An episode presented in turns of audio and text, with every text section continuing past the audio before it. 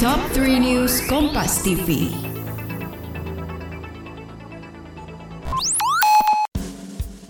Mama dan Papa suka bingung cari hiburan yang edukatif untuk anak dan cara menjaga hubungan dengan si kecil agar semakin erat? Yuk dengerin podcast Dongeng Pilihan Orang Tua persembahan Medio by KG Media di Spotify.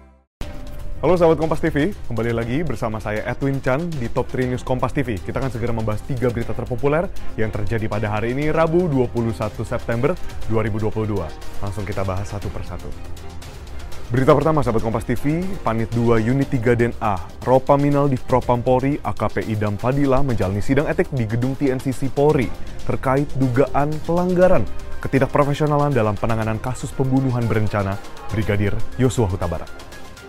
Idam disidang karena diduga melakukan pelanggaran etik profesionalisme Polri saat menangani kasus pembunuhan Brigadir Nofriansyah Yosua Huta Barat. Sidang menghadirkan lima orang saksi.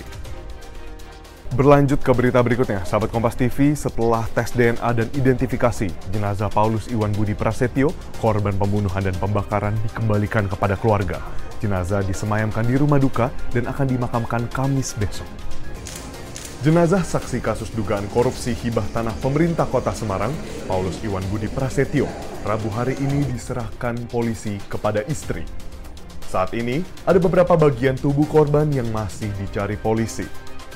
Selama satu malam, jenazah disemayamkan di rumah duka dan dimakamkan Kamis besok. Polisi sudah memeriksa 23 saksi, namun belum berhasil mengungkap kasus pembunuhan dan pembakaran yang menimpa Paulus aparatur sipil negara yang menjadi saksi korban korupsi alih lahan tahun 2010. Dan sebagai berita yang terakhir, sahabat Kompas TV, Ketua DPR RI Puan Maharani berkomentar soal adanya pembentukan Dewan Kolonel dari fraksi PDIP.